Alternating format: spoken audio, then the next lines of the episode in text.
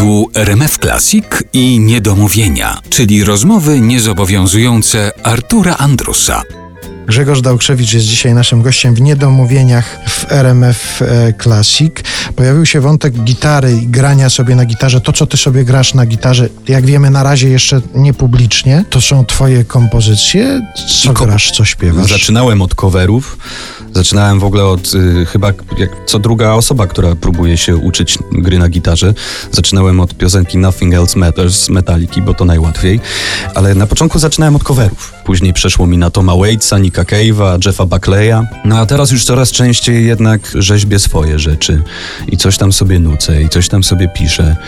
Piszesz też teksty Piszę teksty. po polsku? Po polsku. Po angielsku próbowałem dwa razy, ale wydaje mi się, że, że pozostawię to jednak tym, którzy robią to lepiej i sprawniej. Mój angielski chyba nie jest na tyle dobry i przede wszystkim nie myślę angielskim.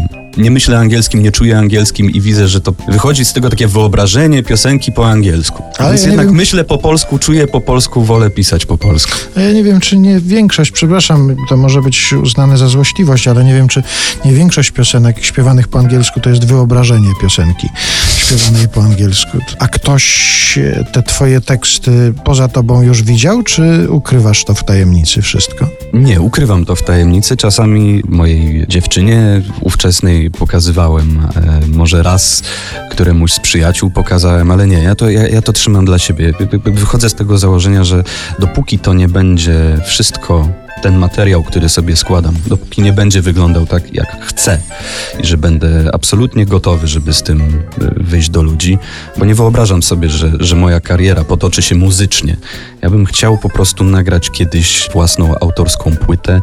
Niech będzie ona jedna, ale niech będzie przynajmniej niezła. Często powtarzasz to, że jesteś z natury nieśmiały, to nie obawiasz się tego, że w związku z tym dojdziesz do wniosku, że nigdy nie jesteś gotowy do tego, żeby to zaśpiewać, a może raz by trzeba było to komuś pokazać i komuś, do kogo się ma na przykład bezgraniczne zaufanie. Tak. Wymieniałeś tutaj takie nazwiska jak Natalia Sikora czy Marcin Januszkiewicz. Na przykład gdybyś do nich z tym przyszedł i powiedział im, słuchajcie, macie coś takiego, nie uwierzyłbyś w ich recenzję, w opinię? Uwierzyłbym. Nie, absolutnie bym uwierzył, chociaż wydaje mi się, że pierwszą osobą, do której bym się zwrócił, byłby mój yy, ojciec. Bo mamy taką ze sobą więź i umowę. Ojciec nigdy mi nie słodzi i nigdy mi nie kadzi i, i tak zawsze było. Jest y, nie surowym krytykiem, ale sprawiedliwym. Więc na pewno bym się zwrócił do niego, ale to też nie jest jeszcze ten czas.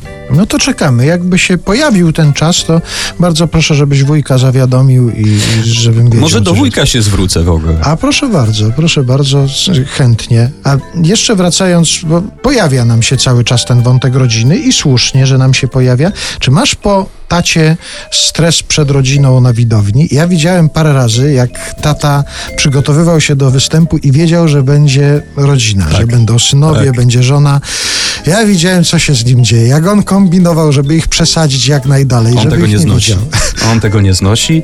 Ja nie mam tak bardzo jak tata, ale denerwuję się. Oczywiście, że się denerwuję, bo, no bo wtedy chce człowiek wypaść jak najlepiej, w sensie jeszcze lepiej niż, niż powinien, a to wiąże się z pewnym ryzykiem, pewnym niebezpieczeństwem, że się tak napompujemy, Że się Że się- przedobrzy. że się... O, właśnie, bardzo, bardzo ładnie to wujku ująłeś, że się przedobrzy, bo chciałem użyć trochę brzydszego określenia.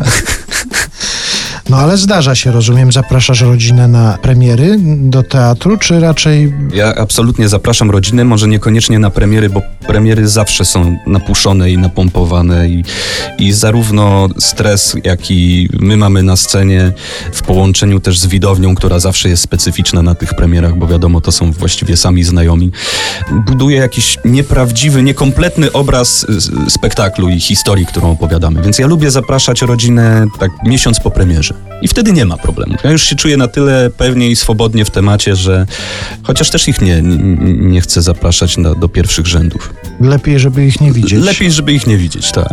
Rozpoznaje się od razu minę i od razu się Tak. wie, co oni, co oni o tym myślą. Po tej minie od razu to widać.